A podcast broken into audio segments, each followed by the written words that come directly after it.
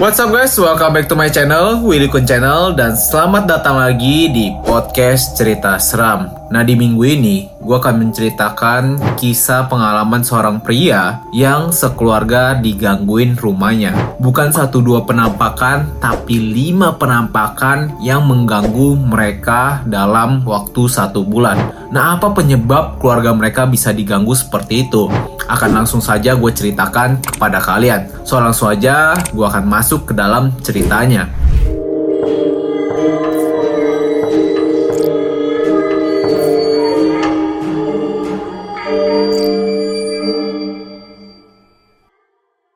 Kejadian ini terjadi sekitar tahun 2010 sampai 2012. Saya lupa tepatnya, rumah kami dihantui sosok-sosok tak kasat mata selama hampir satu bulan. Bukan hanya satu, tapi beberapa.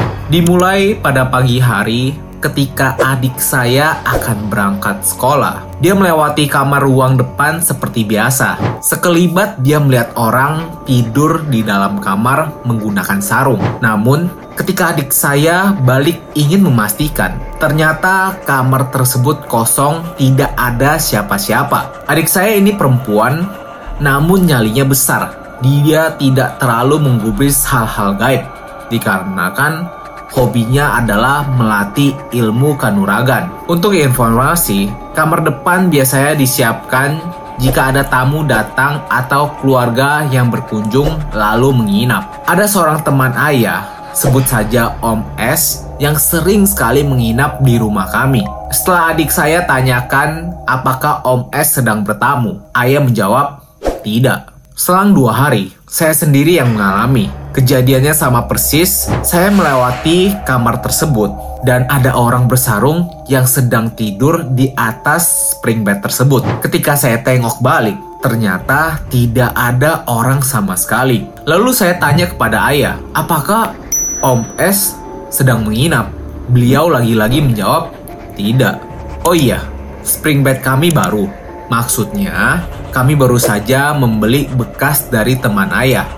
Dikarenakan tempat tidur yang lama terbuat dari kayu sudah lapuk termakan waktu. Selang beberapa hari, ada teman datang. Dia sering tidur juga di tempat saya dan saat menonton TV di ruang tengah, teman saya menengok ke arah kamar depan. Dia terkaget lalu menepuk pundak saya. Dia bertanya, "Apa ada orang yang sedang menginap di sini?" Saya menjawab, "Tidak ada." Lalu saya tanya, Memangnya kenapa? Dia menjawab, ada anak kecil gundul yang mengintip dari kamar itu. Bulu kuduk saya langsung berdiri semua mendengar hal ini. Teman saya juga ketakutan bukan kepalang. Kita berdua memberanikan diri untuk menutup pintu kamar depan tersebut. Lalu saya ceritakan bahwa beberapa hari ini keluarga saya sedang diteror.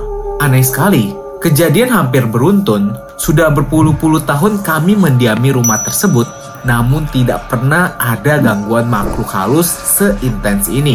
Beberapa hari setelah itu, ayah saya sendiri yang mengalami. Sama persis dengan apa yang saya dan adik saya alami, teror orang bersarung. Setelah kejadian itu, kami sekeluarga ngobrol karena merasakan ada yang tidak beres. Hari itu ayah memutuskan jika setelah hari ini gangguan tidak berkelanjutan, maka kemungkinan hal itu hanyalah perasaan kami saja. Tapi jika cuma perasaan, kok sosoknya sama terus ya? Kami sekeluarga berlima, ayah, ibu, saya, adik saya yang perempuan dan yang paling kecil itu laki-laki. Dari kelima anggota keluarga, tiga orang sudah mengalami hal gaib. Namun, anehnya, setelah pembahasan hal ini, kejadian itu tidak terjadi lagi dalam selang waktu yang agak lama. Apakah hantunya nguping? Hmm, bisa jadi. Kami yang sudah mulai membiasakan diri dan melupakan hal itu sudah berani tidur kembali di kamar tersebut. Kamar ini menjadi kamar favorit sebetulnya. Selain mempunyai ruang yang besar, entah kenapa kamar ini selalu sejuk walau tanpa AC. Jika siang, kamar ini juga serasa agak gelap dan lembab jika tidur-tiduran di sana pasti akan langsung tidur dan beneran karena saking nyamannya. Nah tapi gangguan ini datang kembali. Jadi ceritanya, saya dan adik laki-laki saya sedang menonton TV di ruang tengah. Adik perempuan saya baru saya pulang jalan-jalan Dia duduk di depan kamar depan, lalu selfie. Saya lihat beberapa kali ia mengambil foto. Biasalah perempuan. Namun setelah itu, dia memanggil saya dengan sedikit panik. Di belakang salah satu fotonya, ada sosok pocong tinggi besar. Samar-samar sekali, namun jika dilihat seksama, terlihat kuncirannya dan kain membungkusnya. Cuman satu foto, yang lain tidak. Saya sendiri takut dan terkejut. Refleks untuk meminta foto tersebut untuk disimpan. Anehnya, foto tersebut tidak bisa dikirim lewat BBM. Saat itu WA belum populer di daerah saya, BBM masih merajalela. Opsi terakhir, saya coba dengan memotret layar HP adik saya. Anehnya, tidak bisa kami simpan foto tersebut walaupun sudah saya foto. Karena file foto itu tidak bisa diapa-apain. Adik saya mencoba mendelete-nya. Ternyata berhasil. Aneh sekali, hanya bisa di delete doang. Malam harinya pun saya mengajak bicara ayah. Diputuskanlah meminta tolong guru adik perempuan saya. Beliau datang dan mulai berjalan-jalan di dalam kamar. Setelah keluar, beliau bilang bahwa semuanya datang dari spring bed bekas yang dibeli ayah. Tetapi beliau tidak mau berbicara kejadian apa yang pernah terjadi di sana. Selain itu, ada satu lagi aura pusaka di dalam kamar tersebut.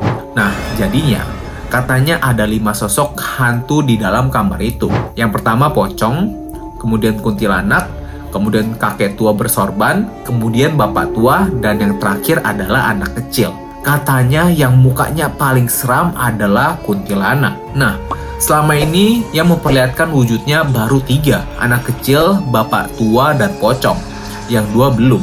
Namun kata beliau, jika tidak secepatnya dilakukan pembersihan, bukan tidak mungkin semua anggota keluarga akan melihatnya. Malam itu rumah akan kedatangan tamu, yaitu keluarga besar ibu maka diputuskan untuk membersihkannya dilakukan besok saja. Karena keadaan ramai sekali, maka tingkat ketakutan terasa berkurang. Kamar depan juga selalu dihidupkan lampunya karena adik saya yang perempuan bercerita bahwa di dalam kamar depan ada hantunya. Maka kamar itu dikosongkan tidak ada yang menepati.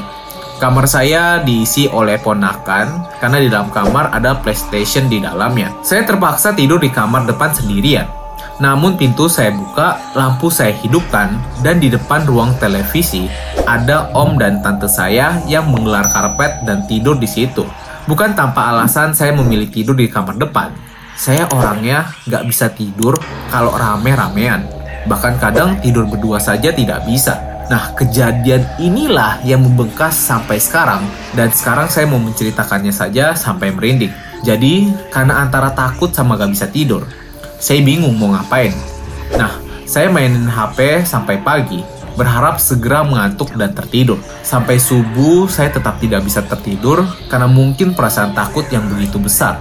Tepat berakhirnya ikoma azan subuh, saya nengok ke arah kiri. Di situ ada jendela dan sedikit space antara tepian spring bed dan tembok. Ada sosok berjalan tanpa kaki, tanpa tangan, dan tanpa kepala. Cuma torso saja tapi samar-samar kayak Casper gitu tembus pandang. Jalan mulai arah ke kiri saya, ke bawah ke arah kaki, kemudian ke kanan, lalu keluar lewat pintu. Oh my god, lampu terang, pintu saya buka, masih saja menunjukkan wujudnya. Anehnya, selama torso itu melayang, badan saya tidak bisa bergerak sekitar 5 detik. Saya masih ingat gerakan bahunya persis kayak orang jalan maju mundur. Setelah badan saya bisa bergerak, saya lompat dari spring bed dan lari ke kamar belakang. Biarin deh gak bisa tidur, daripada gangguan lagi. Karena terus kepikiran, saya jadi tidak bisa tidur sampai sekarang. Saya berbicara sama ayah, jika hari itu tidak dibersihkan, saya tidak mau lagi tidur di rumah lagi. Maka sore harinya dilakukan pembersihan dan malam harinya kamar itu dibacakan doa sampai pagi hari. Setelah itu tidak pernah ada lagi gangguan di kamar tersebut. Oh iya, setelah kejadian itu, ibu bercerita bahwa ayah dititipi pusaka oleh kakek. Bentuknya keris kecil, saya jadi keingat ketika sedang mencari kunci lemari di atas lemari. Tangan saya menyenggol bungkusan putih kecil. Saya ambil dan saya buka. Isinya adalah keris kecil. Setelah ibu bercerita, saya coba untuk mencari keris itu lagi. Tapi, rupanya keris itu tidak ada. Mungkin yang dimaksud orang pintar tempo hari tentang pusaka adalah kris tersebut. Nah itulah ceritanya. Gimana guys menurut kalian? Kisahnya ini sangat mengerikan kan guys? Di dalam kamar memang kamarnya itu awalnya tidak ada apa-apa. Jadi memang kalau hantu itu sering banget nempelin sesuatu yang mereka sukai apalagi benda-benda yang sudah peninggalan lama gitu ya. Spring bed kayak keris kayak benda-benda pusaka gitu. Nah inilah kejadian sama orang ini di mana spring bed yang dibeli itu ditempelin sama sosok lima hantu. Kan ada gak sih kisah seperti ini? Kalau kalian ada juga kisah seperti ini kalian bisa share di podcast cerita seram Caranya tinggal langsung aja DM di Instagram gue Willy Kun dan nantinya cerita kalian akan gue bawakan di podcast ini guys. So itu dia konten hari ini guys. Terima kasih buat kalian yang sudah mendengarkan podcast cerita seram dan selalu nongkrongin YouTube channel Willy Kun. Gue Willy Kun mohon undur diri dulu dan see you guys in the next episode. Willy Kun sign out.